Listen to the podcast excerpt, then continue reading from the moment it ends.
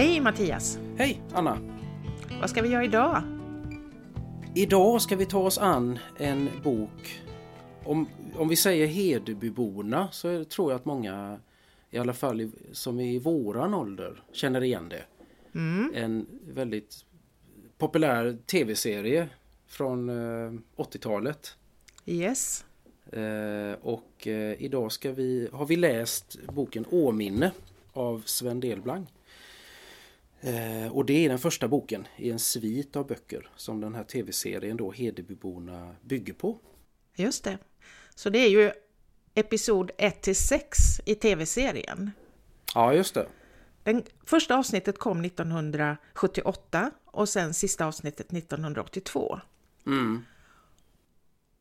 Och då var ju vi rätt så små, skolåldern typ. Ja. Men vi minns ju den här väldigt tydligt, eller hur? Oerhört tydligt. Men det är klart, då får man ju också väga in det där då. Vi hade två kanaler och så hela det här liksom tv-historien då liksom. Två kanaler och det som, det som fanns att titta på. Till exempel en sån här då väldigt påkostad tv-serie var ju någonting som alla tittade på. Eh, under den här tiden då. Så att jag, jag, jag, vet ju liksom att alltså det, det, var Ja men det var precis som, precis som man pratar om det här med Hylands hörna och sådana där program liksom som alla tittar på liksom. Så var det samma med Hedebyborna. Att det, var, det fanns liksom saker ur den här serien som blev vedertagna begrepp väldigt fort. För alla visste vad det var man pratade om. Mm. Eh, pratar man om Svensson som är en karaktär i den här så visste ju alla vem Svensson var. Trots att det var ett namn som är det mest vanliga i Sverige. Men just under den här tiden så var Svensson, då visste alla vem man pratade om. Svensson var slit och släp. Slit och släp sa man mm. då, för det var det han sa i den här tv-serien. Ja. Och man kan väl konstatera, vi har ju också passat på att titta på den igen nu då. Den ligger ju på SVT Play. Och den är ju bra. Den är fortfarande, man, man slås ju av att den är väldigt påkostad. Den är väldigt bra och det är en imponerande trupp skådespelare. Ja, De... det får man ju säga. Det är gräddan av dåtidens... Verkligen. ja, faktiskt alltså. Det är liksom både, både film och teaterskådisar. Mm, mm. Men boken då, Åminne? Ja. Den kom 1970 han, han räknas ju, när man läser om honom så, så är han en av de som räknas som en av våra största såna efterkrigsförfattare. Mm. Eh, på sin tid då. Han dog 1992 men idag är han väl lite bortglömd ska vi säga. Mm. Han, det pratas väl inte så mycket om honom egentligen.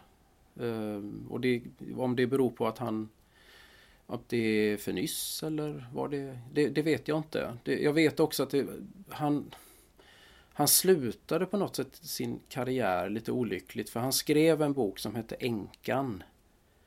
Som mottogs... Alltså han fick otroligt dålig kritik för den där boken. Mm -hmm. Man menar på att han hade skrivit någon slags sån här tantsnusk-roman. Det var ingen som förstod vad han ville, ingen förstod vad... Eh, och där tror jag han själv då, jag läste någonstans att han han hade liksom någon slags större vision sådär med hela sitt författarskap. Något som vi kan återkomma till. Men en av de här punkterna som han försökte beskriva det var liksom det här begreppet frihet och han i, i sin, i hans värld så tyckte han liksom att den här boken Änkan var, den låg där i liksom men ingen förstod detta vad han Nej. ville. Och den blev totalsågad och han blev så Ja, han menar på att om ni, alltså han, jag vet att jag läste någon intervju eller något han skrev efter det där och han menar på då liksom att förstår ni inte vad jag vill med den här boken så är det ingen idé att jag skriver något mer. Nej. Så han slutade i stort sett skriva efter den boken. Mm. Så det enda han skrev efter det, det var hans egna, sin barndoms uppväxtskildring som heter Livets ax då, som kom sen. Just det. En fantastiskt bra bok. Men det är inte en roman utan det är, det är ju han, hans skildring då av, av sin egen uppväxt. Ja, och sen kom det. det en bonusbok till som heter Agnar. Ja, för att jag läste att han var väldigt sjuk när han skrev den. Att han, eh, det står här faktiskt att han Eh, han skrev på maskin med endast vänster pekfinger. Ja, precis. Eftersom han var så sjuk i cancer. Så han var han jättesjuk. Inte... Och han, jag tror mm. han hade fått liksom bara sådär, nu, han hade fått sin dom så att säga. Men så blev mm. det så att han levde längre än vad mm. läkarna trodde. Och det var under den här tiden då så ägnade han sig åt att skriva agnar. Mm. Men du den här änkan då, eh, mm. ja, när du berättar det här så blir jag ju genast jättenyfiken på att läsa den. För ja. att vissa böcker det är inte säkert att det är så med den här, det vet inte jag, men vissa böcker är ju, de kommer ju så att säga i fel tid bara. Exakt. Och det, det, det vet man ju inte när man ger ut den, att det Nej. är fel tid. Hur ska man kunna veta det? Men Precis. Så skulle det ju kunna vara. Ja. Här, ibland är det ju så. Och jag har inte läst den heller, så det, det, skulle ju faktiskt vara spännande att göra någon gång. För att se vad, om, om man på något sätt kan uppfatta det här som, som Sven Delblanc själv ville med den här boken då. Precis, ja. och om det ligger någonting i kritiken. Exakt, om exakt. Den, om den var rättfärdig eller om ja. den var orättvis. Ja, precis. Men, men, som sagt, så att, ja, där är väl liksom i korthet hans, mycket av det han skrev då, om man bara lite kort ska gå in på det, så var det att han skrev den här Hedeby-sviten och den handlar ju faktiskt om där då han växte upp, så att det är ju något av en barndomsskildring, men det är så mycket mer än så såklart, mm. för det är en roman. Men den handlar om, utgår från liksom Vagnhärad då, där han själv är uppväxt då.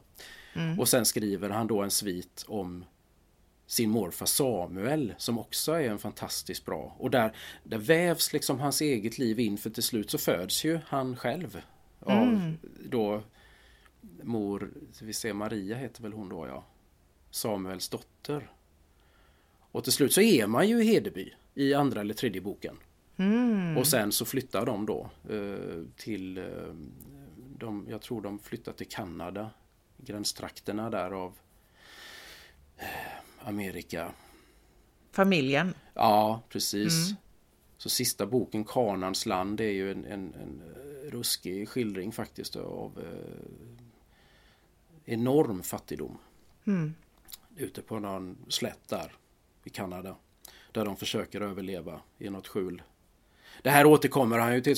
Det, är så fantastiskt detta för att jag tänkte faktiskt på det. Vi pratade ju om tolken för ett tag sedan här mm. i, i podden här. Och apropå det här att, att liksom ge sig, att det är så spännande detta att ge sig in i ett, ett universum, ett författaruniversum så som man kan göra med tolken.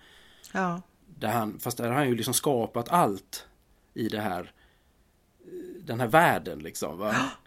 Och det finns mer och mer och mer. Och jag kan uppleva att böckerna av Sven Delbrang, inte alla såklart, men många, framförallt den här då som man kallar Hedebysviten och Samuelsviten, Livets ax. Allt det här hör samman.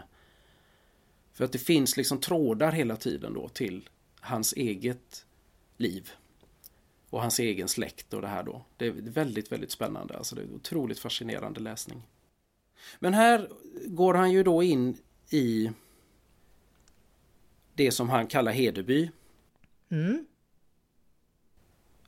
Den heter Åminne för att allting kretsar kring årensningen. Just det.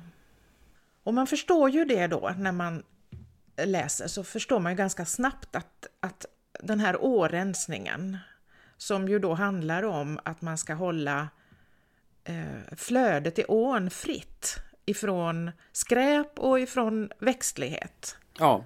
Och enda sättet att göra det, det är att gå ut på en flotte och helt enkelt eh, alltså eh, skära, eller vad, vad, ska man kalla det för? De har ju en slags, eh, de har som liar kan man säga, som de liksom... Specialliar som de rensar vass med. Det korta, korta liar som de rensar undan då, stora sådana där som det blir av vass. Stora sådana här vassruggar som växer sig ut då. Och man förstår ju som du säger att det här är, det här är ju Dels är det någonting som man har hållit på med sedan urminnes tider för att det är viktigt helt enkelt. Mm. Vilket är bara där, det är lite som när vi läste Vilhelm Moberg. Det är spännande att läsa såna här gamla, alltså, och det här är inte så gammalt, det här är ju 30-tal. Ja. Alltså en å som rinner, idag ser vi ju, vi har en å här i Alingsås och ni har Svartån i Västerås och mm. man tänker på åarna mest som någonting som, ja det är ju fint. Att det rinner liksom genom städer och byar. Det är ju väldigt vackert och det är trivsamt. Ja. Men man förstår ju här, han beskriver liksom att vad, vilken betydelse då den här ån har för staden och har haft då som transportväg. Liksom, både för människor men även för varor och sånt. Alltså det, ja. Att den, den, är, den är viktig, man måste hålla den ren. Precis. För att det kommer, det, det kommer få konsekvenser för stan om den växer igen faktiskt. Ja men precis, precis. Och även att, att man då, eh, det, det är ju så att säga också en form av, av avloppssystem. Så att eh, det måste ju rinna undan, saker mm. och ting mm. måste rinna undan som hamnar där. Det måste liksom ut eh, och, och, rinna bort. Och då får det inte vara igensatt liksom. Så att, så att det här är ju någonting som då, ja men som man gör.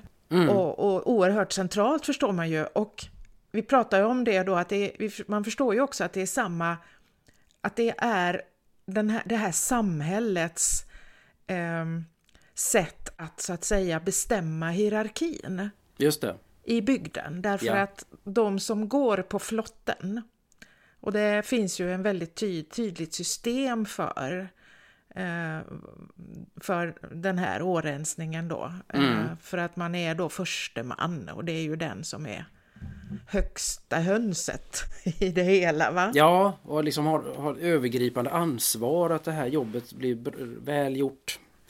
Och sen då att, att eh, det också är ett hedersuppdrag att, att uh, kära flotten, att se ja, till så att den är, är i, i, i, skick, mm. i bra skick inför årensningen. Så att det här då, det finns ju en scen där där man samlas då hos handlaren, alla männen samlas hos handlaren mm. för att bestämma vilka är det som ska gå på flotten mm. i år. Och det här är en årlig procedur. Mm. Eh, förstår man.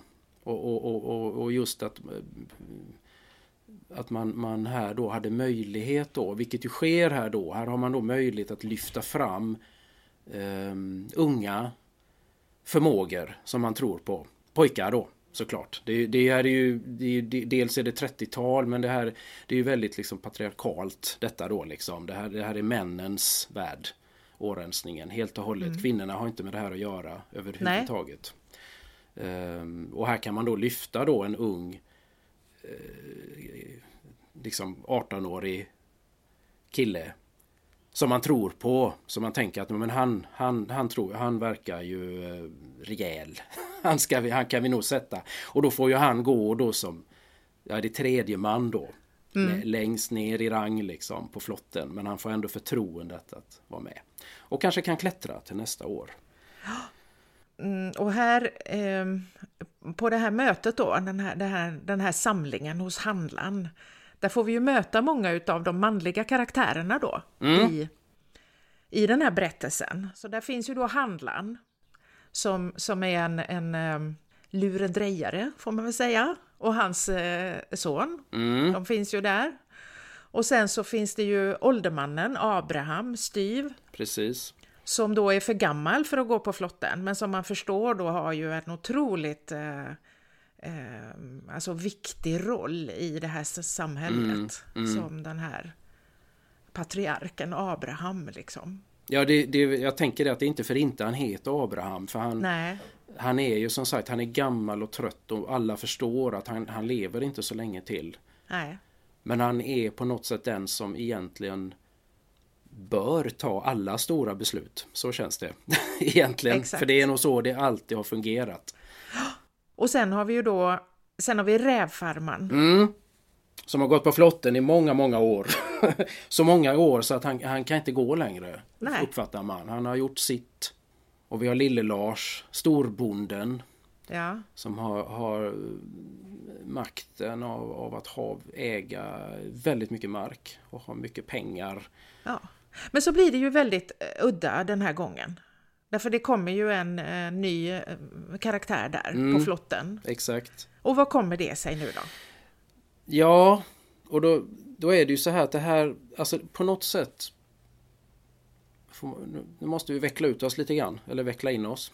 Ja, tror jag. vi vecklar in oss. nu tar vi ett litet sidospår.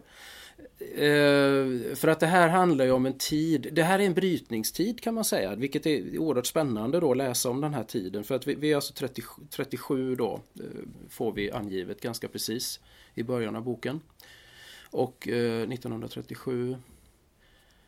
Och vi befinner oss i en tid där gamla mönster den gamla alltså strukturen i, i samhället, i städer, i byar håller på att förändras väldigt, väldigt snabbt och radikalt kan man säga. Mm. Um, och jag, jag, tänkte på det när vi, när, nu att vi, vi apropå ska prata gamla poddar här så har vi pratat om Vilhelm Mobergs bok som handlar om den stora emigrationen när mm. det liksom miljoner människor lämnade Sverige och det var, det var en stor radikal och, och föränderlig tid i Sveriges historia. Ja, men det var ju en brytningstid och i den podden så pratar vi ju ganska mycket om det här med att eh, att vilja så att säga tänka själv och att vilja tro på det man själv bestämde att man ville tro på religionsförföljelserna, frikyrkorna växte fram, allt det här liksom va. Ja. Som vi fortfarande har, ser liksom resultat av i form av alla frikyrkor vi har faktiskt i landet. Som, som är liksom från den tiden med, med läsare. Folk gjorde uppror fast, fast på något sätt inte ut med, med flaggor och vapen i hand utan i små stugor satt man och läste Bibeln. Men det var den typ, tidens uppror mot övermakten då va. Det är en underbar bild tycker jag. Ja det är det faktiskt. Det är helt fantastiskt.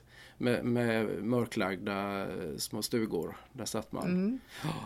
Så det var ju en stor brytningstid då i Sveriges historia. Sen har vi pratat om en annan och det var ju när vi läste Lundell, när vi pratade lite grann om den här tiden som ju, om vi säger att Mobergs tid där då, det är ju 1800-tal, det är ju liksom tiden innan då det här. Ja.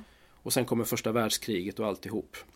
Men sen när vi pratade om Lundell och när vi hade läst Vinter i paradiset då pratade vi ju om egentligen tiden efter det här. Ja. Att liksom Lundell står, det konstaterar vi ju då, att Lundell står ju på något sätt för den där tiden när folkhemmet då håller på att Alltså att ifrågasättas i alla fall. Ja. Det, är, det, är, inte tiden när det liksom rasar men det är tiden när den unga generationen inser att vi vill inte riktigt ha det här. Nej. Vi vill gå en egen väg. Vi, också ett uppror då mot gråheten och stelheten och, och allt det här liksom. Mm, mm. Så det var lite intressant då. Jag tänkte så mycket på det då när, vi, när jag läste den här boken att här har vi liksom den andra, den som är mittemellan. Och vad som sker i den här tiden då, vilket och nu kommer vi lite tillbaka igen då till detta. Det är ju det att det finns då i Hedeby en baron Urse som bor på slottet Valla. Och här när vi kommer in i Hedeby så är vi i en tid när han är bankrutt. Mm. Uh, och kommunerna håller på att ta över makten mm. i, i städerna. Det, det är liksom, liksom de gamla hierarkierna ställs på ända och den här baronen och hans, liksom de han, få han har kvar omkring sig vet ju inte riktigt längre här. De har liksom ingen riktig uppgift längre. För de, de, de bestämmer inget, de styr inte över någonting mer än det de själva äger. De har ingen makt längre. Nej. Både i boken, alltså både Sven Delblanc och tv-serien mm gör ju det här så snyggt för att de framställer ju baron Urse och hans hustru Louise där på Valla nästan som en det är en dröm, liksom. Det är som att det inte riktigt finns. Det som sker där finns nästan inte. Just det. Och när han, eh, när han, när baron då rör sig ute i det verkliga livet, mm. alltså ute i Hedeby, så, så ser man ju väldigt tydligt att han inte räknas. Det finns en respekt för honom på ett sätt. Är, han är fortfarande baron på Valla och man törs inte riktigt säga emot honom. Nej. Det finns liksom en, en, eh, någon form av vördnad för det där gamla. Mm. Men samtidigt så gör ju han en väldigt, väldigt slät figur i varje sammanhang som mm. han försöker att ja, men få kontakt med sitt folk, om man säger så. Och då är vi ju tillbaka, nu, nu, nu landar vi hos handlaren igen. och de sitter där och funderar på vem är det då mer vi ska ha på, på flotten här liksom. Mm. Och mitt i allt detta då så har baron Usche suttit uppe på slottet och, och, och, funderat på om han inte ska försöka eh, beblanda sig ändå med mm. folket. Mm. Om det inte är det som behövs ändå kanske. Och kommer på där hastigt, är det inte idag man ska bestämma om årensningen? Visst är det möte idag? Och då, hans fru är ju gravt alkoholiserad och lever i någon slags konstant alkoholrus. Mm. Så hon, hon, är ju inte, hon är verkligen inte med längre. Hon lever liksom i, i en helt egen värld. Så hon bryr sig inte egentligen. Hon, hon fattar inte vad han håller på med. Men han, han tar på sig i alla fall kostymen och eh, traskar ner. Och, och kliver in där. Och eh, Antagligen då för, eller så är det ju, för att de, precis den här respekten gör, de tycker det här är jättekonstigt. Ja, oerhört. För, för folket blir ju det här, alltså, för, det här är de vet ju inte ens hur de ska hantera detta. Att baron kommer in på detta möte. Det, det är så fel det kan bli.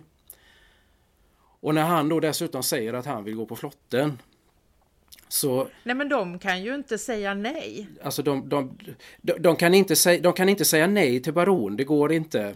Och, i sin, och dessutom är de så chockade tror jag så att de, de går ju med på det här såklart. Och, och det är ju för att de kan inte göra annat. Nej. Vilket alltså slutar då med att, att baron går på flotten. Mm. Som inte har en aning om vad detta är. Han säger ju det så några gånger att jag trodde det här var en folkfest. Ja. När, när, när det visar sig att, att, att, då, att det är meningen att han ska jobba där på den där flotten. Att han ska stå där och rensa vass. Han hade liksom tänkt sig att det här skulle vara något roligt liksom. Som han skulle göra tillsammans med sitt folk.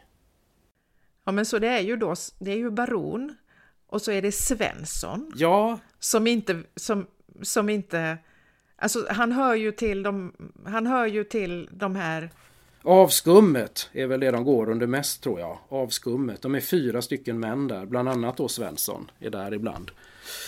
Och sitter och, och, och, och de jobbar aldrig, eller de gör ingenting överhuvudtaget liksom.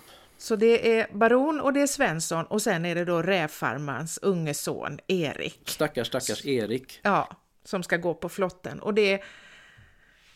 Ja, det, det blir ju inte så... Det blir ju inte bra detta. Um... Nej, Svensson vill ju inte jobba och det vet man ju redan. Och Baron visar ju sig vill inte heller egentligen göra det här.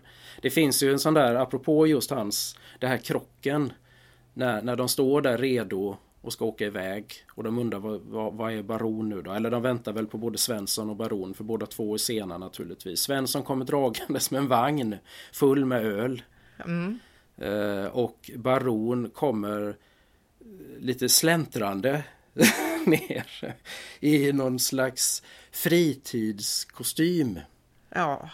Som de tittar på och undrar, men hur i herrans namn är han klädd? Du ska, förstår han inte riktigt vad det är han ska göra här och Baron förstår absolut ingenting. Han Nej. tycker att han har tagit på sig sina fritidskläder. Det här brukar jag ha när jag går på jakt. Tror jag han säger. Ja. Ja, så att det här blir ju katastrof faktiskt. Det där är liksom eh, stackars Erik försöker styra upp det här. Han är ju den enda som liksom tar ansvar och han är ju en väldigt ansvarsfull ung man då som verkligen vill göra rätt för sig. Ja. Så det här är ju liksom det centrala kan man säga. På något sätt så löper den här årensningen då och att det blir sån katastrof just det här året löper ju då som någon slags tråd här genom hela den här boken då. Mm, mm. Um, men sen har vi ju då ett antal, vi har bland annat då baron och hans hustru och hans kusin som har en väldigt framträdande roll då. Som också en Usche då som kommer dit. Mm. Som i den här boken får heta Mon Cousin. det, det här är ju, har ju varit den stora behållningen tycker jag med att läsa den här boken. Mm. För eh, Moncosan finns ju i tv-serien också och där är han ju också den som så att säga eh, berättar och liksom kommenterar på något vis det som mm. händer samtidigt mm. som han är en, ju en riktig person. Han är ju barons oäkta kusin som kommer på besök då.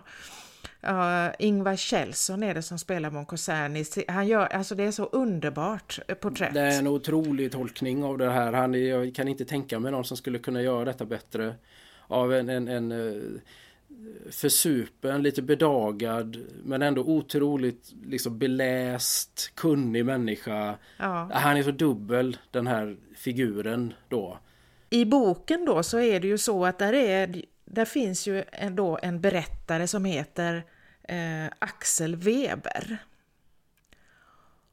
Och det är ju så att säga han som frammanar mm. Moncousin mm. in i berättelsen. Eh, egentligen långt innan Moncousin faktiskt ankommer till Hedeby egen hög person. Precis. Så det här är ju en vi har ju pratat jättemycket om det mm. här, mm. den här berättartekniken mm. som Del Blanc använder i den här boken. Ja, för det är en av de sakerna som jag liksom minns nästan starkast som, som gav störst intryck när jag läste framförallt den här Hedeby-sviten att han leker så otroligt mycket med sin författarroll då. Och på så många olika sätt. För att vi har vi pratar lite om den här, bara inledningen i den här boken får man ju väldigt mycket Ja, det är en fantastisk inledning konstaterade jag när jag läste den nu igen. Verkligen. På fem sidor så har han presenterat hela samhället, baronen, sig själv. Han har också berättat sin egen berättarteknik och Moncousin har frammanats ur eh, någonting liksom som en berättarfigur som sen bara kan liksom försvinna igen ur historien. Ja. Då. Men, men här, här, bara det att han, han, han, han kliver liksom in i det, i den miljön han har skapat. Och det här har jag funderat på och, ända sedan dess och jag har faktiskt inte stött på någon författare som gör riktigt på det här viset som Del Blanc gjorde. Nej. Uh, för han kliver in och ur, alltså det är som att han, han använder sig av den här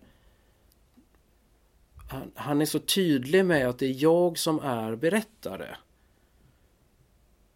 Men det roliga med det hela kommer jag att tänka på att han är inte den allvetande berättaren som man brukar prata om. Den här Nej. som kan veta allt om alla han skriver om, vad de känner och tänker. För, för att plötsligt så, så befinner han sig själv stående och liksom försöker lyssna på ett samtal men han hör inte riktigt vad de säger. Så han vet inte vad det här samtalet handlar om.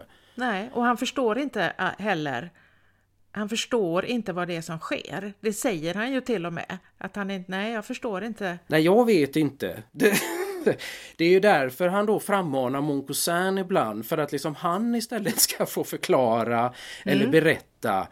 Och, och, då för han ju ibland hela dialogen med Moncousin. För Moncousin är ju lite bångstyrig figur. Han vill ju helst inte vara med. Han säger bara lämna mig i fred snälla du. Nej, säger Axel Weber, du är inte riktigt färdig än. Du har lite kvar att berätta.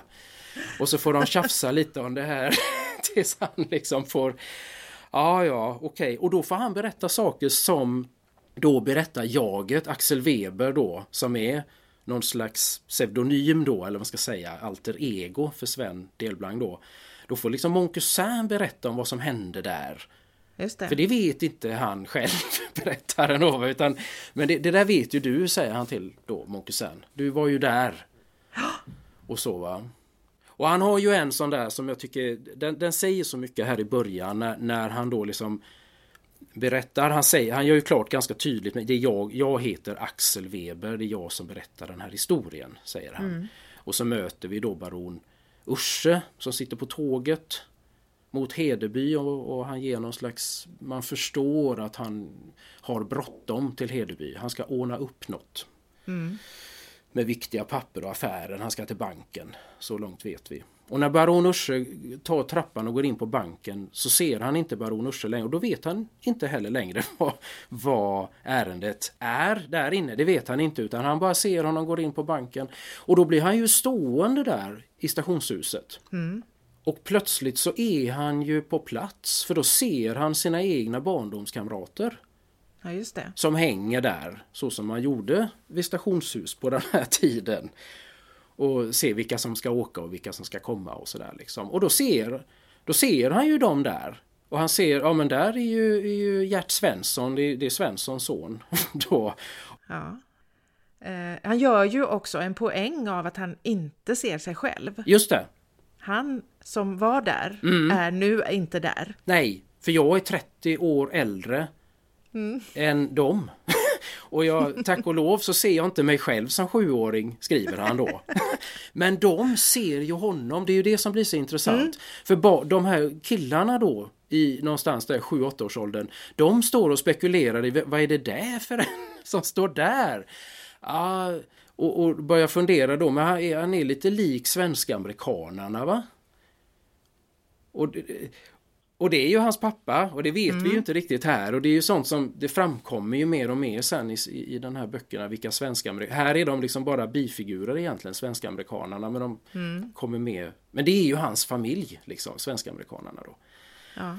Så att han, han fysiskt kliver rakt in i historien och befinner sig på plats och kan liksom föra dialoger med sina karaktärer och de då ser honom och pratar med honom ända tills han själv bestäm, bestämmer sig för att kliva ut ur historien igen och bara bli berättare. mm. Och det här är, han gör det här genom på olika sätt då i den här boken och sen faktiskt i hela den här boksviten så, så använder han så, av detta på olika sätt då. Vilket jag alltså det är fantastiskt och det blir lite roligt ibland liksom. Det, alltså på något sätt det skapar ju något lite märklig komik i detta också. Att han kan göra på det här viset då. Men alltså, jo men precis och jag menar ibland så Ibland så, så eh, har han ju, som du sa då, sådana här resonemang då, till exempel med Moncosin flera gånger, där Moncosin liksom anklagar honom för att vad håller du på med det här för? Ja. Varför, varför, varför, ska, varför ska du skriva om det här? Varför, var, var, varför ska du hålla på och, och uppfinna liksom... vad är det här för sentimental dravel som du håller på med? Du, vadå, du är ju vuxen nu, du kan, väl, du kan väl hålla på med något annat, något verkligt? Vad ska du tillbaka i det här för? Du frammålar det som något, idylliskt, så himla idylliskt var det väl inte, det vet du väl själv, du vet. Ja. Och jag kan ju tänka mig liksom att att det där är eh, också en del, det är Sven Delblancs andra, inre kritiker liksom. Det känns ju så att han, där får han själv utlopp för precis sina egna tankar. Att vad är det jag håller på med? Ja. Precis det, varför ska jag hålla på och rota i det här? För det, alltså ju mer man läser hans böcker desto förstår man ju också då liksom att, att han hade ju en vedervärdig uppväxt, Sven Delblanc. Med, med en, en, en, fruktansvärd tyrann till far alltså. Mm, mm. Den värsta tänkbara. Så som han beskriver det. Och, och, varför han då ska återvända till sin egen barndom. Det kan, alltså man kan ju förstå att han själv kanske undrar det. Jo. Faktiskt. Vad ska jag in och rota i detta för liksom? Och då får ju som du säger, det blir liksom Mon, Mon roll. Att vara den. Vilket ju blir mycket bättre än om man hade resonerat själv såklart. För det här blir jättebra för det ligger också i Moncusins. För Moncusin själv är ju också en, en karaktär som är ganska onostalgisk av sig. Vilket, mm. vilket framkommer i, när han pratar med baronen. Liksom att, men släpp det här nu, säger han flera gånger. Resignera, säger han ju till honom. Du måste resignera. För att du, du måste släppa det här. Släpp valla, flytta, sälj. Din tid är över. Du måste leva ett annat liv. Han har liksom gjort den här resan redan. Mm. Ja, han lever i, han har någon lägenhet någonstans i någon stad. Liksom. Han har släppt det här livet för länge sedan. Han har förstått. Vår tid är över. Så att det passar ju så bra också då att just han får vara den som undrar varför är du så? Du Axel Weber. Vad sitter du här och, och, och grottar ner dig i det här för liksom? Gamla minnen. Nej, det är mm. oerhört effektivt. Ja, det är det. Det är det. Och jag, jag formligen älskar det. Alltså, jag, mm. det, jag, åh, det, det, är helt fantastiskt. Alltså, han, just det här sättet att skriva på. Jo, men och grejen är också att jag tycker att det är... Eh, ja, men så här. Det skulle ju kunna ha varit så att att han hade haft den här Alltså att, att han hade valt en, en annan slags metanivå och att så att säga låtit den här berättaren eh, Axel Weber då faktiskt resonera med sig själv. Mm. Han hade ju kunnat göra så. Absolut. Men då hade det ju känts, tror jag, som att han hade satt sig på väldigt höga hästar. Ja. Då hade man känt så här, ja, ja, ja, där, där står du, eller sitter, ja. och liksom visar oss hur hur genomtänkt du är och ja, hur, hur, du kämpar med din, med mm. din inre kritiker och, och sådär. Va? Och det hade man nog inte tyckt varit så särskilt sympatiskt, tycker nej, inte, tror inte nej, jag. Va? Nej, jag tror inte heller det. Men i det här fallet va, så är det som att Axel Weber är ju en ganska tystlåten person mm. när han har de här de här dialogerna eller vad man ska säga då med Moncosan för att han, han svarar egentligen inte utan Nej. han låter bara Moncosan säga det där och så, och så ja han kanske säger något eller mm. han tänker något men han går ju inte i någon form av polemik va? Nej utan det gör han inte. Snarare är det som att han, han lyssnar och tänker ja, mm. Mm, ja mm. kanske ligger något i det mm. och det gör tycker jag att hela det här resonemanget blir det blir liksom sympatiskt, mm. det, blir, det, blir, möjligt att ta det till sig liksom mm. och känna det där som jag tycker så mycket om, va? å ena sidan, fast mm. å andra sidan, mm. du vet. Mm. Jo, det gör honom till en, alltså genom hela boken, han är ju en väldigt så ödmjuk berättare på något sätt då va? Ja. Uh. Och med en väldigt kärlek till sina karaktärer kan jag känna. Oh, allihop liksom. För han, det är som att han, han dömer ingen riktigt. Utan, utan det är så tydligt hur alla här, alla, all, alla gör verkligen inte gott i den här boken. Men det är väldigt tydligt att han på något sätt ändå Nej, men han beskriver de här människorna, alla har sin kamp. Liksom. Mm. Alla håller på och kämpar med sitt. Mm. Uh, och sen blir det väldigt, väldigt fel ibland. Men han, han har någon, någon slags ja, kärlek skulle man väl säga. En omsorg om alla sina karaktärer här, vilka de än är. Mm. Jag menar till och med avskummet liksom. Som, eh, som, som på något sätt de... Men de får också sin roll i den här historien som de här. De är ju också några som vilket jag tänker att det här gänget liksom i alla fall så som de sitter där. För de sitter mm. verkligen mitt i stan. De mm. ser allt, de hör allt. De kommenterar, kommenterar allt. Vilket gör att de på något sätt också får sin roll som att föra historien vidare och, och, berättar saker ibland för mig som läsare som jag inte hade fått veta annars. För de är ju liksom ett gäng sladdetacker som sitter där ja. och bara älskar och, och, och, och sitta och håna alla de ser. Fjärsman som, som jämt är full och, och Baronen och Svensson och vem är det mer? Jo men det är han som, som, har, är kommun, som blir kommunpamp då. Ja, skomakar-Ludde. Eh, sko, skomakar-Ludde. Som, som ju är ett exempel på det här med den här nyordningen. En skomakare som håller på och klättra liksom i kommunen och i facket som håller på att skaffa sig en enorm makt. Då. Precis, för där, den eh, så att säga biberättelsen finns ju också här. Mm. Hur, hur den fackliga eh, ja, medvetenheten mm. och aktiviteten växer fram i det här lilla samhället och hur det påverkar människor på olika sätt och i olika eh, och, i olika situationer. Precis. Eh, beroende på vilka de är. Det påverkar ju baron och, och mm. så, men det påverkar ju också jobbarna på kalkbruket mm. och så. Va? Um, och de då som, som, precis som du sa, då får en, ja, men får en helt ny roll i, sin, i sitt samhälle eh, som kommunpolitiker. Och, så ja. det finns ju också med här, väldigt, väldigt tydligt. Mm. Uh, och jag tänker också på Eh, det finns ju här då en Förutom årensningen då så finns det en annan central eh, berättelse i den här boken och som också fortsätter ju sen i de andra böckerna. Och det är ju Märta, berättelsen om Märta. Precis. Och Märta är ju dotter till Signe som i sin tur är dotter till Carolina. Mm. Och här är ju en jättespännande berättelse mm. om tre generationers kvinnor. Precis.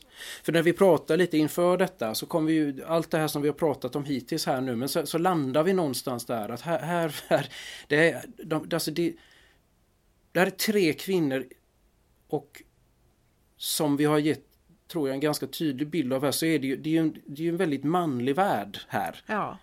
På grund av tiden, på grund av ja, allt som var. Så att väldigt mycket av det här centrala som sker då är det kretsar liksom kring männen hela tiden. Va? Det är de mm. som är de offentliga och det är de som tar besluten och så vidare. och så vidare. Men sen har vi de här då som du säger och Märta är ju en sån då. Då ska vi också säga att Märta är då dotter till Svensson. Om man nu inte har läst den här boken eller sett Hedebyborna. Han då som sitter med avskummet och Signe är ju då gift med, med Svensson. Slarven Svensson. Slit och släp eh, som han gick under, under då när det begav sig. Eh, och Carolina då, eh, Märtas då, mormor och Abraham eh, som vi nämnde innan som är morfar då. Och det här är ju tre, det är väldigt spännande för de, alla de här tre kvinnorna står, konstaterar vi ju, för varsin del kan man säga. Precis, och Märta är ju ung. När vi träffar henne första gången så är hon 17 år. Mm. Och man förstår att hon är vacker och livsbejakande, skulle jag säga. Ja, hon verkar vara en tjej som den där som alla man lägger märke till henne. Ja, där kommer Märta. Ja. Säger alla. Titta, där kommer Märta, säger de. Det spelar ingen roll, de som möter henne eller som ser henne gå förbi. Titta, där går Märta. Mm. Ja, hon, går, hon passerar inte obemärkt. Eh, men hon är inte, hon är liksom inte... Ja, det är någonting bara som du säger, jag tror, jag tror man får känslan av att hon, hon bara utstrålar väldigt mycket livslust, ungdom, eh, ja, energi. Och hon är ju då äldsta barnet till Svensson och Signe. Och så hon har ju många småsyskon och det är fattigt hemma. För Svensson han drar ju inte hem många kronor. Så man förstår ju att Signe har, hon har ett hårt liv och får kämpa och får ta mycket hjälp av sina föräldrar då, Abraham och Carolina, mm. för att få det att gå ihop. Um, och ganska tidigt i boken så får man ju också förstå då att hon oroar sig för sina barn. Hon oroar sig för Märta för hon ser ju naturligtvis att Märta är Märta, att hon är en livsglad och, och, och vacker, ung flicka. Hon är rädd för att hon ska bli med barn, det säger hon ju rakt ut. Ja, vilket Signe naturligtvis fattar att det här är, det, det här är inte så bra. Helt enkelt, tyvärr. Att hon är så vacker och levnadsglad, för det här drar ju kararna till sig. Det, så är det ju liksom. Mm. Ja, och här är ju en beskrivning av ett, alltså ett fattigt hem där de faktiskt hon, blir, hon tvingas servera sur mjölk och eh, gammal potatis. Ja. Eh, mycket salt sill i den mån det finns. Men det, men det, det, så man, det är liksom på den nivån, om man säger så, va, av, av fattigdom här. De svälter inte, men de är nära på ibland. Och hon oroar sig. Mm, och hon, mm. eh, eh, men hon har ju också en, någon form av kampvilja. Ja. Eh, som jag tycker är jättespännande för att man förstår ju då att hon Ja men hon är ju mycket ensam va? med barnen därför Svensson han är ju ute och slarvar så hon är mycket ensam. Mm. Och hon eh, gör då så som man väl ofta gjorde på den här tiden, eh, man tar emot luffare. Unga luffare som är ute och, och och, och, på, och, och liksom vandra runt och, och ja, få mat där det råkar finnas mat. Och, och Signe hon är fattig själv så hon förstår och hon har väl något att dela med sig av. Så de sitter där i hennes kök. Mm. Um, och hon uh, får då höra det här som de pratar om. Va? Mm. Friheten, jämlikheten. Mm. Att, socialismen. Att, socialismen, ja. Visst. Så att hon har ju hon har ju någon form av ja, men kampvilja mm. i sig. Det har hon. Ja. Och är väldigt medveten. Om man tänker, hon mm. är så förvånansvärt medveten då tack vare ja. detta. Eh, eftersom hon är så alltså bunden socialt vid sitt hem. Mm. För hon, hon, barnen och, och, fattigdomen gör ju att hon, hon lever ju verkligen sitt liv där. Hon rör sig inte så mycket utanför hemmet om man säger så. Nej. Men är ju då som sagt ändå väldigt medveten om vad som sker i världen och eh, liksom eh, har, har mycket eh, politiska tankar och sådär då i, i, socialistisk riktning då. Kring, kring just jämlikhet och, och fattigdomen och allt det här då.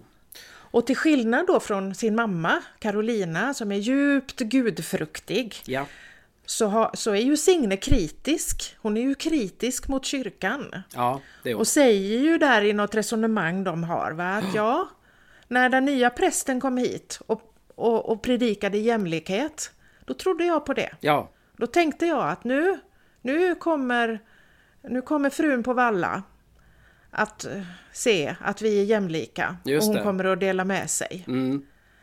Uh, men sen förstod jag ju att det handlade ju, det var inte så prästen menade. Utan det, det är bara det andliga, det är bara i det andliga. Jämlikheten handlar bara om det andliga. Mm, mm. Och det är, vad är det hon säger? Det ger inte, inte något köttben till min soppa eller något sånt där Nej men hon, hon har något sånt resonemang att hel, heligheten är nog bra men inte, inte får jag, precis, inte ge det något, något kött i soppan eller något sånt där ja. Precis, för hon har en, en mm. jätte hon har ju ett, som en liten monolog där, där hon säger att, att eh, ja, det är bara Signe som ska offra sig och blöda, säger hon. I 2000 år har mm. vi varit jämlika enligt evangelium. Och i 2000 år har Signe Svensson svultit och farit illa. I 2000 år har Märta råkat i olycka och i 2000 år har Gert sprungit med ändan bar. Det är ju jättefin lite, nästan som ett litet tal hon håller där. Det är ett sammanhang där när hon, de, de sitter hos eh, Nikodemus fru eh, och pratar. Och de är, nej, Märta är väl inte med där men det är, det är Signe och Carolina och ja, Agda heter hon va? Agda, ja, Nikodemus. Ja, och de är hemma hos henne på, på kafferep. Mm. Och det, det är otroligt, alltså den, det är en sån där scen som de, de, de kommer in på väldigt mycket just såna här alltså väsentligheter och, och, livet och tillvaron. Och Agda då i sin tur har ju, vet ju alla liksom. Carolina och Signe är ju liksom de enda egentligen som går hem till Agda. För hon, de, hon bor, eller hennes man då, Nikodemus, är en man som inte... Han är ju som han sa förr folkskygg. Han, han har väldigt svårt för att prata. Mm. Idag skulle man väl säga social fobi kanske. Om man skulle beskriva honom. För han, han kan inte prata. Han blir tyst. Han springer undan. Han gömmer sig. Mm. Eh, när folk kommer. Springer in bakom träden. Vilket gör, och så bor de, hyr ett rum hos handlaren vilket gör att handlaren utnyttjar detta. Så de behöver inte betala någon hyra men han tar ut hyran in, in natura av Agda. Med en, en liten dörr som han har byggt. Satt upp mellan deras lilla lägenhet och sitt kontor. Så att han kan mm. gå in till henne när det behagar. Och allt det här är ju liksom eh, alla vet ju det här såklart liksom. Så att hon, hon är ju inte så väl ansedd Nikodemus är inte väl ansedd för han är inte riktigt kar. Nej. Han är aldrig med. Han är, inte, han är inte påtänkt överhuvudtaget i något sammanhang. Och Agda då ses ju på något sätt som lite prostituerad då liksom. Eh, blir, blir hon ju så att säga och det är klart att det är hon ju naturligtvis mot sin vilja här liksom. Mm. Så, så, men Signe och Carolina ser liksom förbi det här och mm. går hem till Agda ibland. Hon rör ju sig inte så mycket ute i byn för det kan hon ju inte. Nej. Eh, så de får gå hem till henne. Och där sker ju det här samtalet. Där säger ju Signe precis detta. Vilket är som ett... det, det är ett, som ett tal liksom över, över liksom kvinnans lott. Då va. Ja. Och just det här hur den här, alltså lite... Jag vet inte, hon låter aldrig bitter men, men det är något slags kallt konstaterande att nej, det där han stod och pratade, det var ju inte till mig. Det rörde ju naturligtvis inte oss. Nej. Det var bara att gå hem och fortsätta äta dålig potatis för att det, det hade ju inte med oss att göra det här alls på något sätt liksom. Jag, jag får känslan av att hon är väldigt intelligent. Som mm. är intelligent. Absolut. Och, och en, en, eftertänksam mm. kvinna. Mm. Så, mm. Vilket då gör att hon, hon, hon har ju problem där för då har vi liksom Märta som är en drömmare. Hon är en 17-årig drömmande tonårstjej som vars enda liv går ut på att hon vill ta sig bort från Hedeby. Och som då drömmer om baron. Ju. Men alltså varför det? Eller? Ja men precis. Och vi pratade lite grann om det där för att hon är ju väldigt ung, hon är bara 17 år och det hon ser av eh, par livet. Det är ju det hon, det hon ser eh, hemma då mm. med sin mamma och sin pappa. Och det vet hon ju väldigt, väldigt tydligt att det vill hon absolut inte ha. Hon Nej. vill absolut inte ha det. Och hon vill inte ha en man som Svensson. Nej. Och hon vill inte bo kvar där hon bor. Hon vill inte bo i byn. Och då kan jag tänka lite att, ja men lite naivt då, så ser hon då baron som hon ju märker har ögonen på henne förstås. Och lite, ja, och, och lite uppvaktar henne fast väldigt sådär försiktigt va. Precis. Och hon tappar ju det lite i detta mm. och ser, tror jag, det, är min, det här är min tolkning, jag tror att hon bara ser eh, utanpå verket. Hon ser den här, det här stora herrgården eller slottet, mm. Valla. Och hon ser hans titel. Och hon ser hans kläder och hon känner ju av, tror jag också, den här historien, alltså traditionen. Att här har vi ju en man högst upp i hierarkin. Mm. Sen är inte hon kapabel att se förbi det där och se att baron på Valla är ju, han är ju ingenting längre. Nej. Han har ingenting att ge henne och han är ingenting. Men det klarar ju inte hon av att se utan han uppvaktar ju henne och hon går ju till slut till ett, ett kärleksmöte med honom. Mm. Och på något vis är ju också Svensson inblandad i detta. Mm. Eller hur? Mm. På något sätt så, så vet han detta på något sätt. Och godkänner det här på något märkligt vis då. Uh, ja. Om det kan vara någon form av pengatransaktion ja. i detta. För de har andra grejer ihop då. Eh, det kommer ju fram sen då att Baron då som äger kalkbruket, det stora industrin i samhället där väldigt många jobbar. Eh, han ser ju då till, han har ju redan, det framkommer ju sådär detaljvis att han har bränt ner något ställe, ett annat slott. Mm. Och har också lyckats få ut försäkringspengar på detta. Exakt. Ja. Och mot slutet av historien här så startade ju en brand även på kalkbruket då. Men den här gången är det inte baron själv utan den här gången visar det sig att det är ju Svensson då som baron då har, liksom har betalat för att göra detta då. Så man förstår, han utnyttjar ju det här att Svensson och de är så fattiga naturligtvis då. Så att det är inte helt uttalat det här men man förstår, det är någonting med detta och att Svensson Ja men på något sätt kanske också hoppas. Jag vet inte. Ja. Ibland får man känslan av att kanske kan det bli så ändå. Att han lämnar sin Louise och tar min Märta istället. Att det hade ju inte varit så dumt förstås. Trots allt. Men Märta går ju till det här mötet och det är ju under årensningen så smiter ju han iväg då baron och träffar Märta utomhus i som en litet skjul eller vad man ska kalla det för. Ja det är sådana här islager som man hade förr i, i städerna som var täckt med spån och sådär. Ja. Och där på det här som till slut blir ganska kallt att ligga på tror jag. För det är ju fullt med is under. Men där träffas de i alla fall ja bakom brädorna där. Ja. Och sen när hon vaknar då har ju han försvunnit. Ja. Och lämnat henne och, där. Ja, och, och, och, hon inser ju direkt mm. eh, att det här var inte vad hon hade tänkt sig. Nej, hon förstår ju att det här var det enda han ville ha av mig, inget annat. Och då springer hon ju hem till sin mormor och morfar då, till Carolina och Abraham. Och, eh, och det, det är också en sån, eh, sån eh, otroligt stark scen mm.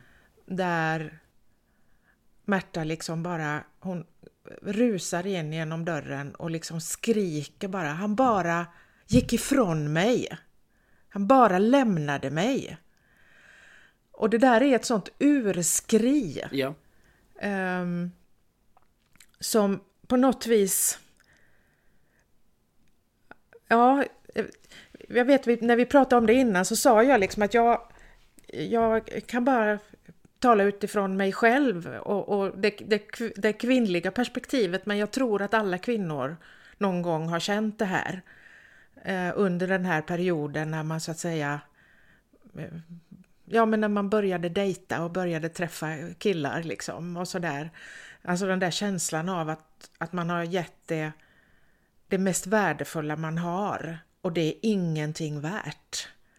Han, han bara slängde bort det efteråt. Ja. För det är ju precis det som vi pratar om där så tydligt att hon, hon känner ju sig, hon, hon uttrycker det också någonstans där att det Alltså, och det är precis den känslan man har när man är så otroligt kränkt. Ja. Och, och sviken.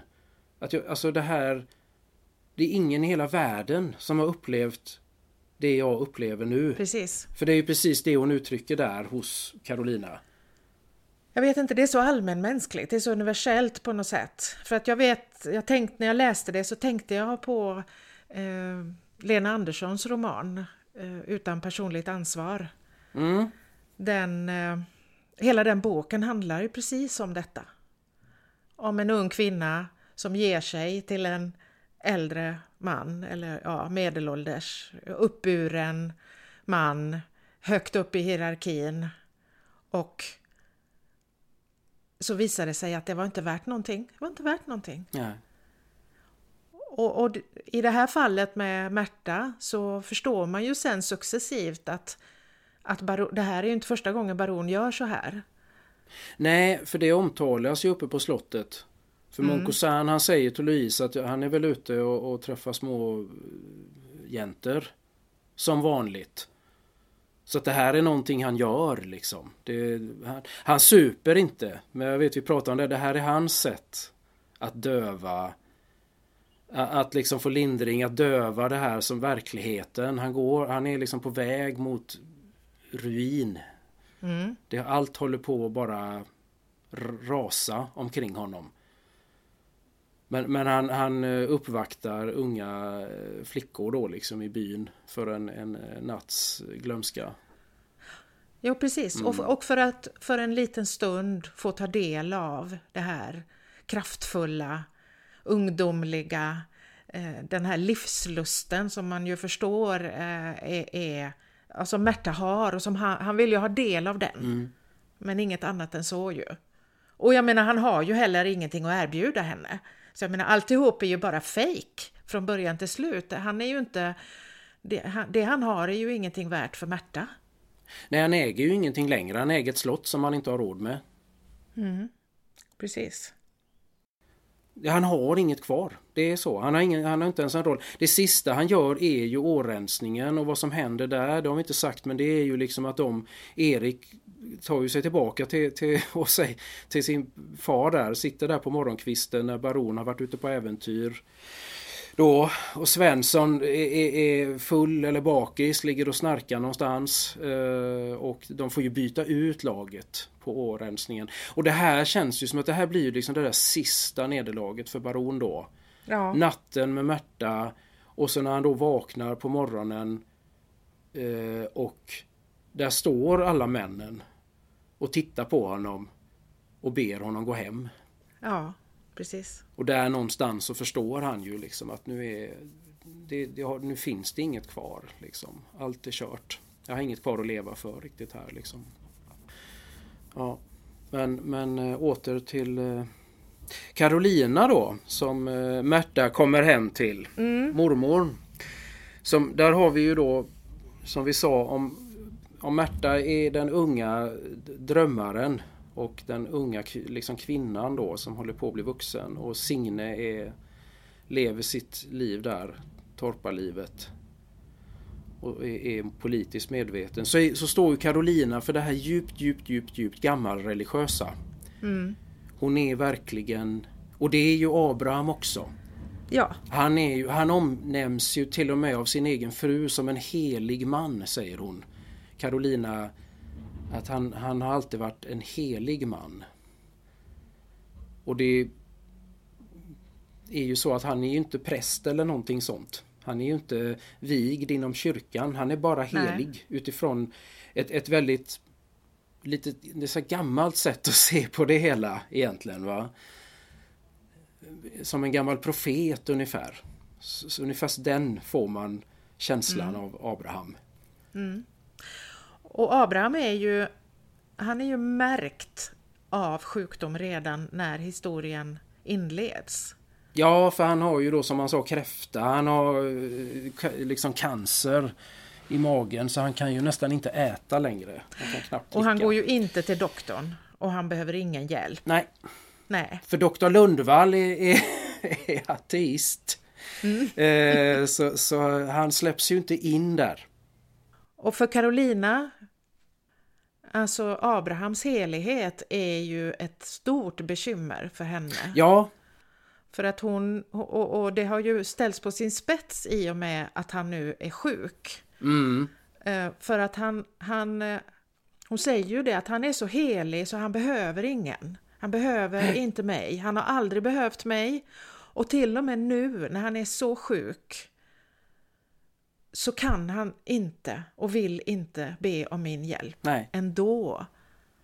Nej, för det är väl där hemma hos Agda. Hon har ju något resonemang om detta just att du kan, du kan en, en helig man då i det här fallet.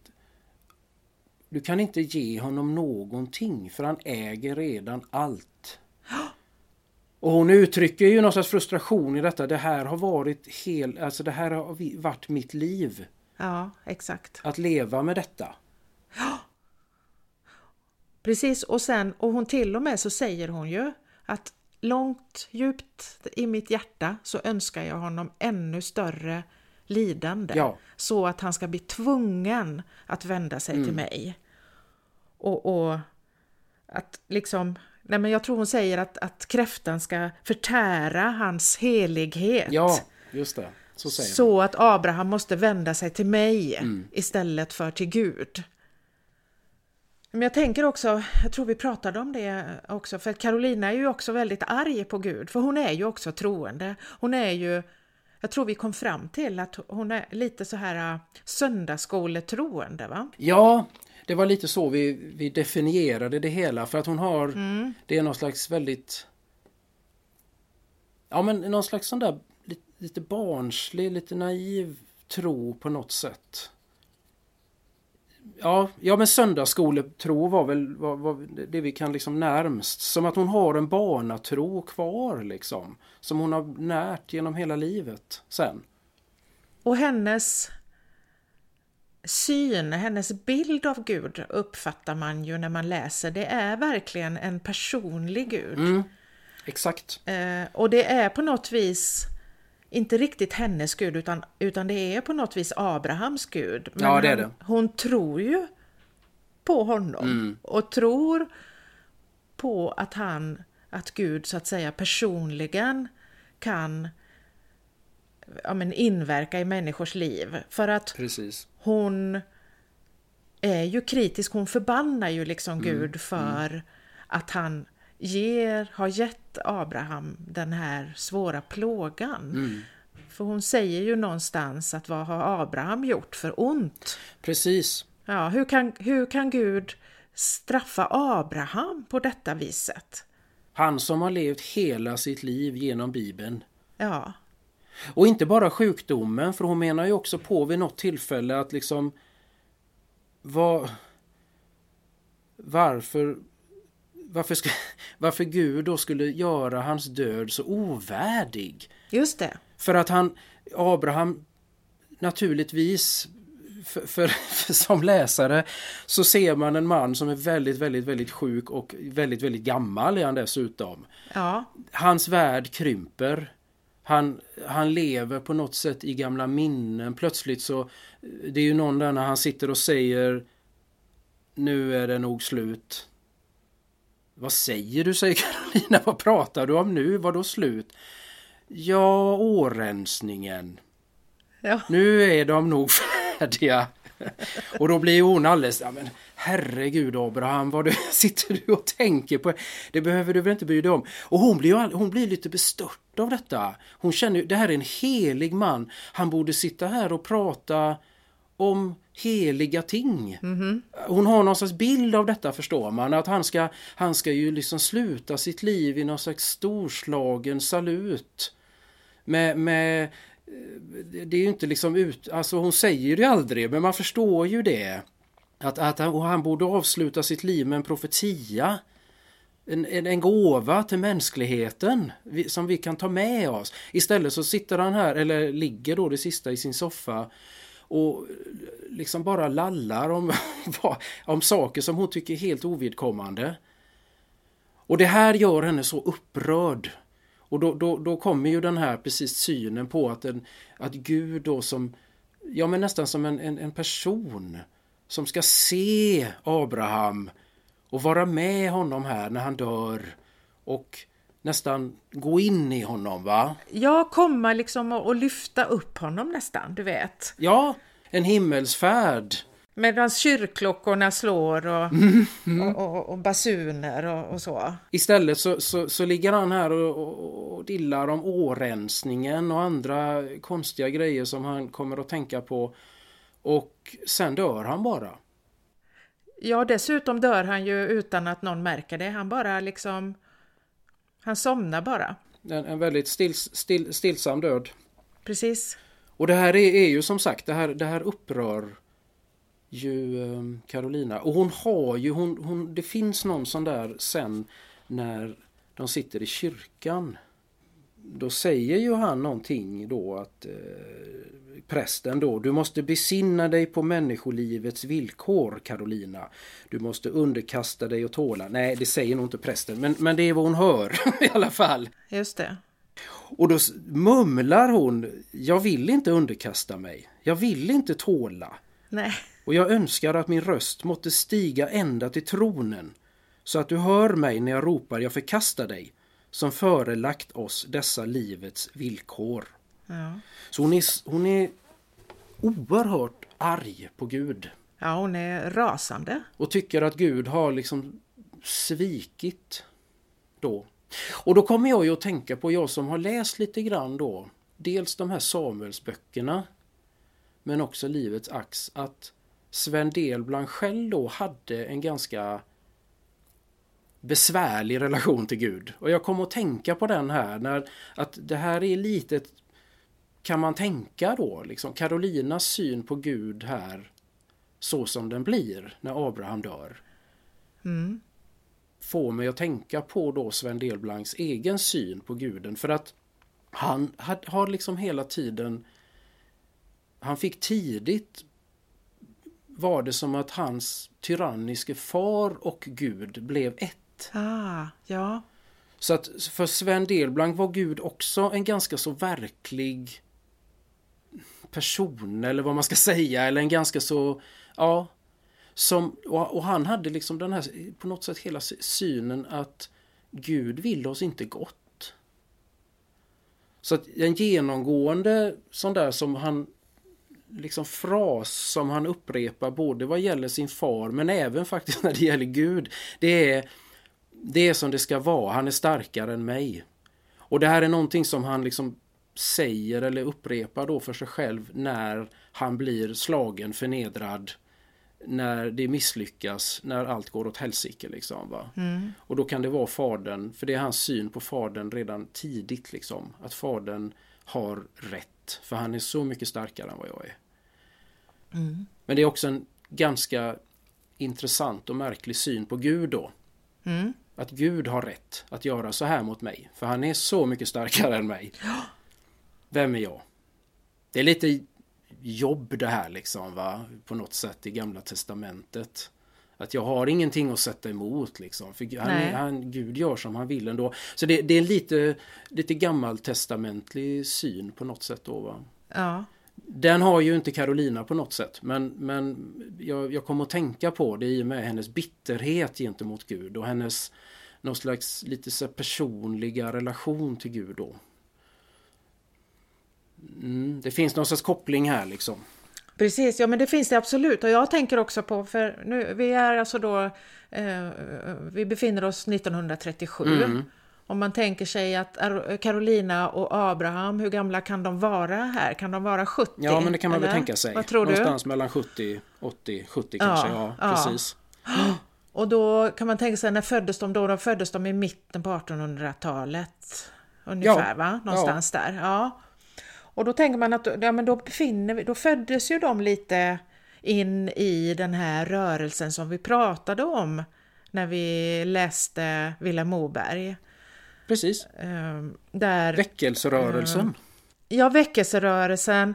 Eh, där man då eh, fram till dess hade prästerna stått och predikat eh, om den här straffande guden, den eh, hårda guden, den krävande guden och, och helvetet och alltihopa det här. Och sen kommer då väckelserörelsen och lyfter fram till viss del då Nya Testamentet och Jesus och, och en förlåtande gud och, och en, en, en, gud som vill människan gott. Precis. Eh, och jag tänker att det där är åtminstone Carolina då kanske fostrad i, får jag en känsla av. Och att hon då, och sen så tror jag också när man lever tillsammans med en person så, som hon levde med Abraham mm. då, med en, en person som har en väldigt stark gudstro, då tror jag att man kanske inte själv behöver tänka, man finner inte så mycket behov att själv brottas med det där, utan man liksom, man slinker med lite på något vis i att ja, ja, Gud, det är ju Abrahams Gud och jag får liksom hänga med lite på, en, på sidan mm. om här. Och så, så kanske hon hade det här i sig lite grann, den här barnatron och den, den, den här guden som vill en gott då. Och att det på något vis, ja men det, att det var det som liksom bröts i henne mm. då. att, att ja men Gud ska ju vara, vilja oss väl. Gud vill, varför vill inte Gud Abraham väl? Precis. Och jag tycker att det här är jätteintressant, just därför för vi sa ju det att en troende människa idag som lyssnar på Carolinas beskrivning av Gud skulle ju tänka att ja, det var ju ett naivt sätt att se på, på Guds tro. För att det har ju hänt jättemycket sedan mm. dess och idag så, så tänker vi ju på, på, på ett annat mm. sätt. Och, och så. Eh, och, och, och, de flesta ser ju inte ser ju inte Gud som en personlig Gud på det sättet riktigt. Nej, inte på så. det väldigt, väldigt konkreta sättet. Så att jag tycker att det här är jättespännande. Eh, jo men det är det. Och man känner ju också, man känner så väl med henne för man känner också, jag vet att jag jag har varit ganska mycket inne i det här med, med det här TODC-problemet och, och, och, och, att just den här att när du är då så som hon är, den här lite då lite barnsliga kanske nytestamentliga troendet. Mm. Så vet jag jag tänkte så mycket att man, hon har ju rätt på något sätt liksom. Hon har, ju, mm. hon, har ju, hon har ju fullständigt rätt att bli så besviken. För hon har också rätt att förvänta sig detta. Ja. För Jesus är det ju egentligen, fast Abraham pratar om Gud, men liksom ska ju vilja oss väl. Det har de ju sagt hela tiden, att han ska ju finnas här. Han ska ju ta hand om oss. Det var ju därför han kom. Så att någonstans, hon har ju rätt på något sätt att kräva detta av Gud. Ja. Ändå, utifrån sin syn, utifrån sin tro ja. och hela sitt liv då med denna helige man Abraham som har suttit och läst ur Bibeln varje dag. Och så, så får hon ingenting tillbaka. Nej, Nej jag, och, och jag tycker att det här är så skickligt gjort av Del Blanc. Det är så skickligt gjort att, att, att eh, för att eh, han gör det så snyggt. Ja. Va? Så att du är liksom, du är tvungen att tänka runt det här flera gånger. Absolut. Innan du liksom kan Okej, okay, vad, vad, står hon för egentligen? Ja. Och vad, sådär, va? Det, jag tycker det är jättespännande. Och jag tänker och överlag där, jag var lite inne på just den här fantastiska inledningen, att han, han är eller var då, han lever ju inte längre, men han, han var fantastisk på detta som, som han pratar om, med detta show don't tell. Att han, han väver in allting liksom. Ja. Så att man fattar inte själv ens att man får reda på saker förrän efteråt. Nej, för du blir aldrig skriven på näsan, någonting överhuvudtaget. Det är som om man ska återgå där på, på vad är det då, fem sidor eller någonting jag tror jag räknade. Så, så har han utan egentligen att skriva, alltså han beskriver inte speciellt mycket alls. Men genom sitt sätt att skriva på och den här otroliga skickligheten så har han liksom lett oss in i historien. Vi har fått vi vet vad vi är, vi vet när det är, vi, vi har fått massa karaktärer, massa grejer. Men han har inte suttit och räknat upp massa fakta om, om Hedeby och alla de människorna som lever där. Utan det, det bara det bara vävs in och plötsligt så, så bara man vet. Mm. Ett exempel som jag tänkte faktiskt, som jag tyckte det är så snyggt alltså. Det är ju då, och nu är det vid inledningen här, det är Baron Urse då sitter på tåget mot Hedeby, han ska till banken. Mm. Han sitter och läser tidningen. Just det. Och där är en sån där, istället då för att tala om när vi befinner oss så, så, så låter han baron Urse läsa då för sig själv. Betyder katastrofen med Hindenburg slutet för den aeronautiska principen lättare än luften? Och så konstaterar han, ingen fråga kunde intressera mig mindre. Och vet man detta då, eller så får man ta reda på det, så vet man att, att Hindenburg var zeppelinaren som brann upp 1937. Som gjorde då, precis som det står här, att liksom luftfarten fick sig en knäck. Men det är ju så snyggt istället för att skriva året är 1937. Och han skriver inte ens att året, det är samma år när, när katastrofen med Hindenburg, utan han, han tar till och med en artikel som kommer i, lite i efterhand. Där man spekulerar i vad kommer hända nu med, med, med luftfarten efter den här fasansfulla katastrofen. Och det tänkte jag på att det här är så snyggt gjort alltså. Fantastiskt. För då, då, då kan jag antingen, antingen vet jag eller så kan jag ta reda på att okej, okay, nu är vi någonstans här kring 1937. Mm. Och det här är, det är genomgående då som sagt genom hela boken då. Precis, han gör ju en liknande grej där, det är ju också i början. Och det är ju då när Moncosin dyker upp första gången. Han dyker ju upp för att Axel Weber då ber honom att berätta hur det såg ut på järnvägsstationen förr. Just det. Och det är ju liksom lite samma... För jag menar, han hade ju lika gärna kunnat beskriva den själv. Ja, men det här hade ju inte blivit lika bra. Det hade det inte, för nu får vi en väldigt sirlig och ganska rolig beskrivning av den här Moncusin som får sitta och breda ut hur fantastiskt fint det är på denna, för den är lite kunglig då, den här stationsbyggnaden på grund av att Tullgarn då, och det är ju något ställe som finns, där förhöll sig V-Gustav då tydligen när det begav sig. Därav att det, här, det är en lite speciell stationsbyggnad det här liksom. Men det är precis som du säger att det hade inte alls blivit samma grej om man själv hade gett en lång beskrivning. Och så får du ju redan, du, du får ju som läsare så får du ju känslan av att nu vet du inte, vet inte riktigt om det är sant. Nej. Det han berättar. På grund av att du fattar nästan direkt vad det här är för typ av karaktär. Ja, för den karaktären blir också tydlig i hans beskrivning. Sättet han pratar på. Exakt. Och han säger ju till och med, alltså han, han, han börjar prata om någon, någon, eh, något kärl där med, med någon inskription i gotisk fraktur och så i silig text är det tryckt här och då säger Nej nu ljuger mon cousin säger Axel Weber. så man förstår att nej Nej men så här var det väl ändå inte liksom va. Det, nu vet jag inte längre. Och jag tänker också att Alltså just, eh, vi sa ju det i början här att, att Ingvar Kjellson då som Mon är ju en lyckoträff utan dess like. Mm. Och väldigt, väldigt många utav de andra eh, karaktärerna är ju också väldigt väl castade får man ju säga. Det, eh, de, de, är, de är otroligt, det är otroligt lyckat och just just då eh, de här scenerna uppe på slottet då på Valla det är ju då Ingvar Kjellson som Mon och sen är det eh, Per Myrberg då som baron på Valla. Och sen är det, nu ska vi se här, eh, Louise heter hon, Lena Brogren heter den eh, skådespelaren som är hustrun då.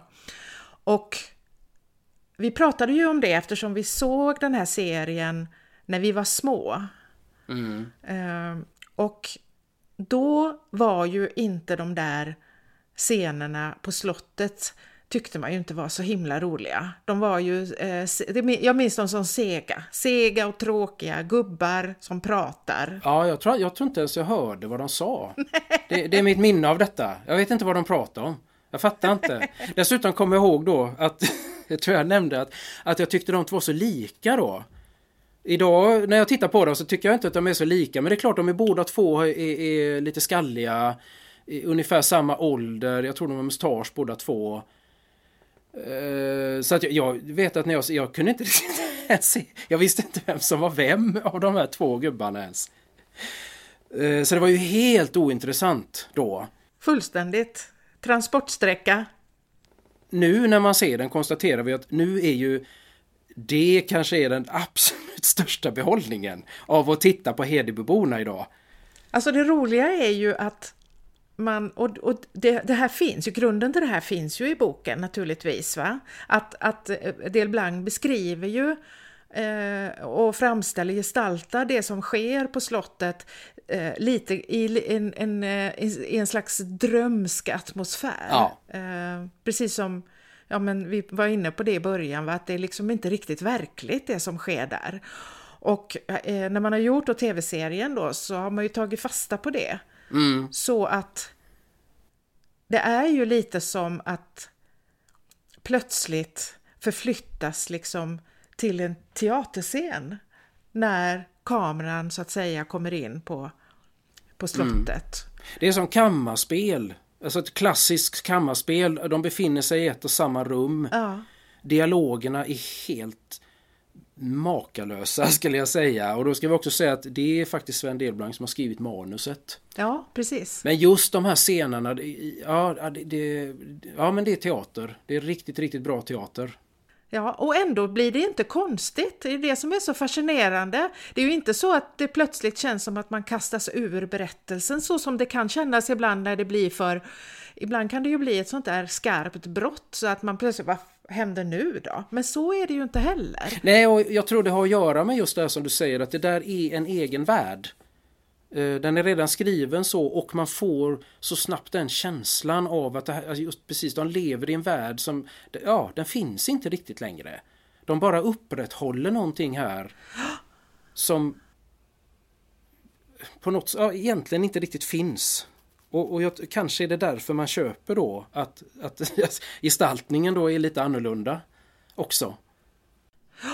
Och sen är det ju andra då eh, Alltså andra skådisar som måste nämnas här tycker jag. Det är ju eh, till exempel då eh, Aino Taube som Carolina. Fantastisk. Är ju makalös. Alltså du vet, jag kunde ju känna nu när jag såg om den här serien, va? så kunde jag känna så här, ja, om jag var ledsen skulle jag också gå till henne. Ja, jag med. För det är ju det Märta gör då när hon, hon... Det är det första hon tänker på. Går ju hem och kastar sig i hennes knä liksom. Mormor, hjälp mig. Ja. Liksom. Och jag hade också velat lägga mig i hennes knä. Det, det kan jag säga ja. direkt. Jag hade inte tvekat en sekund om jag på något sätt mådde dåligt.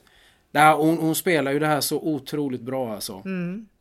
Och den miljön också som de har skapat där, ja. eh, deras lilla torp där som de, som de bor i då, eh, Abraham och Carolina då, som ju också är fattigt men fattigt på ett annat sätt. Jag vet inte, det, det är liksom, det är, det, är någon, det är en annan typ av knapphet och där finns ju inte heller eh, problem med missbruk som det finns hos, hos, hos Svenssons då, utan det är på ett annat vis. Men vi pratar ju just om det därför att jag tänker också att Carolina och Abrahams hem är ju, alltså representerar ju också eh, den där, eh, det där du vet, det där som är långt ner och för länge sedan, som vi pratade om i Tolkien-avsnittet. Den här tidlösa miljön liksom på något konstigt sätt.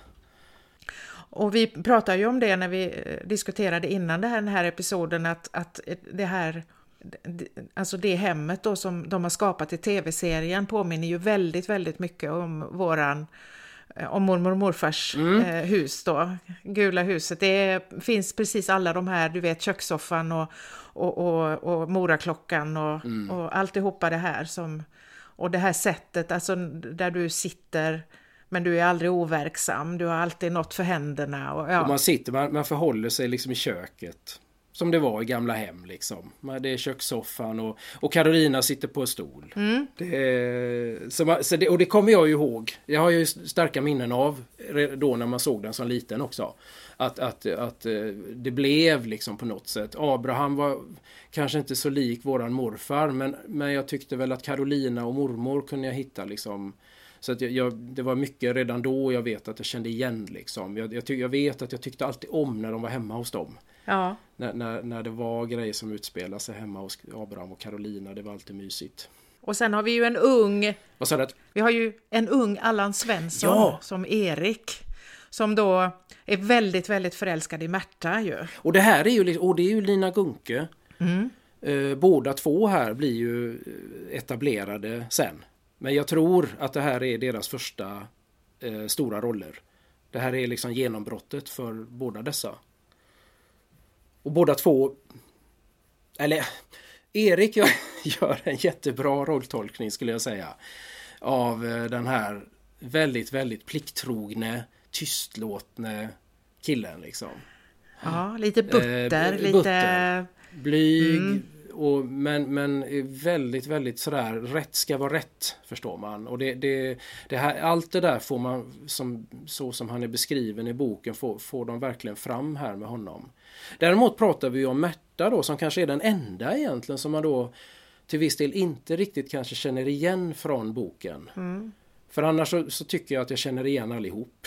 Och, och, och alla känns väldigt klockrena men man, man har gjort Märta väldigt arg i tv-serien på ett sätt som hon inte riktigt är i boken hon var lite jobbig och lite, ja, hon var onödigt tyken och argsint kommer jag ihåg att jag tyckte. Jag tyckte också det. Jag hade svårt för Märta. För hon är så oerhört och hon är, hon är så snäser av det stackars Erik som är så förälskad. Alltså hon är sådär och, och, och framförallt sin mamma liksom. Ja.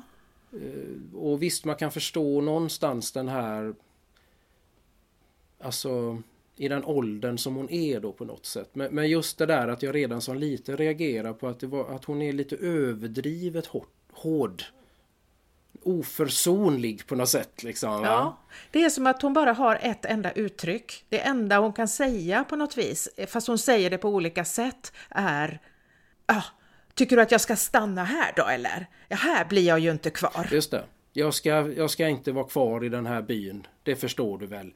Precis. Och den bilden får ju inte jag av henne när jag läser boken. Nej. Hon säger det. Det gör hon. På, vid några tillfällen. Att hon inte vill, hon vill inte ha det som du mm. mamma, säger hon.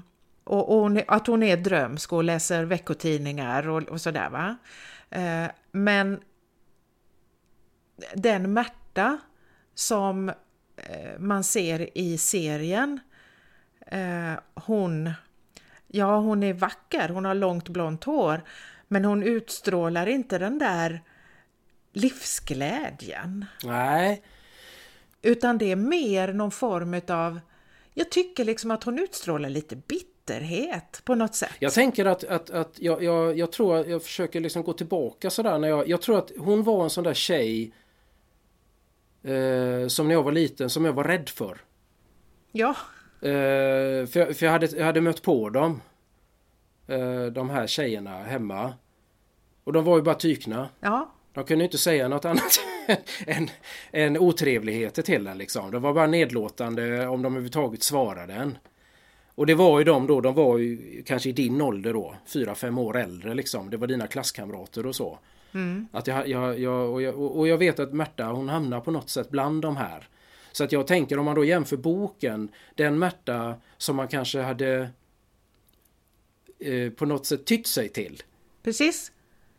Märta i tv-serien är snarare den jag hade undvikit. Jag hade nog sett henne och, och, och tänkt att nej men jag stannar lite då då. så jag, jag, är kvar här och leker lite. Så, så får hon ja. gå förbi. Jag vill inte träffa Märta idag. Nej, hon känns konstigt bitter. Det är märkligt. Eh, jag vet inte riktigt och vi funderar ju lite på det när vi pratar inför det här. Vad det är som gör då liksom. För att man förstår ju att det här är ju inte bara det är ju inte bara Nina Gunke som spelar utan jag tänker att det här är ju också något som att eh, ja, i manus eller regi eller alltså någonstans har man ju lite grann gjort om den här karaktären faktiskt. Mm, mm. Det händer ju precis samma saker men hon, hon är lite annan person faktiskt. Ja, och jag, hur jag än tänker så kan jag inte förstå vad anledningen skulle vara eller vad syftet skulle vara. Faktiskt. Jag, jag, kan inte se att det finns något riktigt... Alltså att det, jag menar, det kan ju vara så att man har ett syfte och sen blir det inte riktigt bra, men jag kan inte ens förstå vad syftet skulle vara. Nej, för här saknas ingenting i boken som man känner som borde lyftas fram mer på något sätt. Och så just det här blir det lite speciellt i och med att alla de andra karaktärerna spelar och är nästan precis de som de är i böckerna. Det är så likt. Och, och, man känner att jajamän, det är, klart att, det är klart att det är den. Det är klart att han eller hon ser ut på det viset. Självklart. Mm. Men jag vet inte om det är någonting där. Det är ju lite som vi pratade om Nikodemus då när han väl då, det slutar ju med att han blir satt på flotten. Eh, eftersom det blir sån katastrof. Och då blir ju han, som man sa, då betrodd och det gör ju liksom att han karskar upp sig. Det här är ju lite en sån här sidohistoria som också är värd att nämna för att det här är eh, jag som jobbar mycket i ett projekt nu med, med och, och liksom att, att man jobbar med att få unga in i utbildning och anställning och alltihop. Just detta liksom vikten att bli sedd och bli bekräftad. Mm. Historien om Nikodemus är en sån där, man skulle kunna använda sig av den tänker jag i utbildningssyfte. Just det. Hur han liksom på en dag genom att bli betrodd att gå på flotten mm. växer liksom. Och det här är ju bättre gestaltat i boken då än vad det är i filmen. För där, där har man också överdrivit då. Eh, konstaterar vi ju. För han blir så jäkla stursk. det blir liksom för mycket på något sätt. Det, ja, det är, jag tycker att Tor Isedal gör en... Det, han, gör, han är bra. Det är bra. Men det är inte riktigt trovärdigt. Det är som att det är nästan som att det blir två, det är två personer. Det går liksom för fort på något sätt. Och jag tänker det är inte riktigt trovärdigt. Man går liksom inte från att vara folkskygg som har stått och gömt sig i buskarna när det kommer folk till att nästa dag vara lika karsk som skomakarludde. Nej, precis. Som är den, den mäktigaste. Alltså det stämmer inte riktigt. Och det här är inte så i boken. Eh, utan i, i, boken är det mycket finare gestaltat, det är mycket bättre. Att man, man, man, man känner så med honom mm. i detta, hur han liksom växer i detta, hur han kan gå hem till sin fru Agda och säga jag är betrodd. Har du hört? liksom, va? Och hur han då, att, att det här går ja, långsammare. Det enda egentligen det han gör är ju liksom som, som är mer resolut. Det är ju att han med, med ganska hårda hammarslag då spikar igen handlarns dörr in till dem. Mm. Och det, det gör han och det går ganska fort. Men han gör det bara. Mm, det är bara en, det är liksom en, en jätteviktig symbolisk handling och en markering. Ja. Väldigt viktig, väldigt viktig. Jag är betrodd. Så nu är det slut med det här. Precis. Nej, för det börjar ju redan då, det börjar ju tidigare med att han faktiskt får uppdraget att kära flotten. Så det går ju liksom i steg det här. Precis. Vilket i sig då är, är ju, redan där är han ju betrodd så att säga. Va? Mm, det är ju så. Precis. Ja. Och sen är det ju också så i boken, vilket är väldigt fint och naturligtvis eh, helt följaktligt eftersom han skriver som han gör del blanc, men man får ju se Nikodemus förvandling genom de andra bybornas ögon. Exakt. Det är, och det, blir, det gör att det blir mycket, det blir en, eh, ja det blir en finare mm, beskrivning mm. av en person som, som och, precis som du säger, va, vad det gör för en människa att faktiskt ja, men bli betrodd och att, att få, få ansvar för någonting och att människor tror att man klarar mm. av. Mm. Liksom. Det, det, är en, det är ett fantastiskt porträtt av just detta. Jag hade inte tänkt på det innan liksom sådär men nu, nu var det så tydligt när jag läste den här gången. Herregud vad bra beskrivet detta är alltså. Ja, ja. Men sen så tror jag faktiskt också eh, att Nikodemus berättelse eh, vi då som kommer som, som har arbetarklassbakgrund och, och så Um, och, och, det, och, vi pratar nu då om, om 70-tal, tidigt 80-tal och sådär va. Alltså jag har en känsla av att Nikodemus eh, historia var en historia som berörde just de människorna som vi kommer ifrån, alltså familjer som våra, du vet. Det tror jag. Folk som har sådana vanliga mm. jobbjobb, mm. du vet. Eh, byggjobbare och fabriksarbetare och folk som jobbar i verkstad ja. och på lager och du vet va. Därför att hur, hur det än var och är kanske fortfarande, jag vet inte riktigt, men så är det ju ändå så att jag menar, våran pappa jobbar ju på bygge. Hur många gånger har inte han beskrivit detta, alltså nödvändigheten av att hålla handen i fickan när man känner att man måste knyta den. För att man har inte mandat. Och att känna sig undanskuffad. Mm. Nu har ju inte vi i våran släkt den här typen av personer som Nikodemus, alltså som, som var, eh, var bortschasade eller folkskygga Nej. eller så. Men jag tror att man ändå kan känna en viss mm. samhörighet mm. med det där, du vet, att inte få ta plats. Att inte vara riktigt, att kanske inte få göra det man kanske innerst inne skulle ha önskat att man fick göra, inte få den positionen man kanske mm. hade velat ha, utan man, man blir fast vid sin läst, eller vad man ska säga. Va? Och, och att få då se en, en person mm. resa sig så som Nikodemus gjorde, mm. jag tror att det är så det kan kännas så befriande, mm. du vet, för mm. människor när man tittar på den här serien. Ja. Så, så, och, och därför så, så tror jag att för, för de människorna som såg den här när den gick första gången så tror jag att det finns en stor grupp människor i Sverige för, för vem, alltså för vilka Nikodemus berättelse var väldigt viktig. Det har jag tänkt på. Det kan nog vara riktigt. Det tror jag.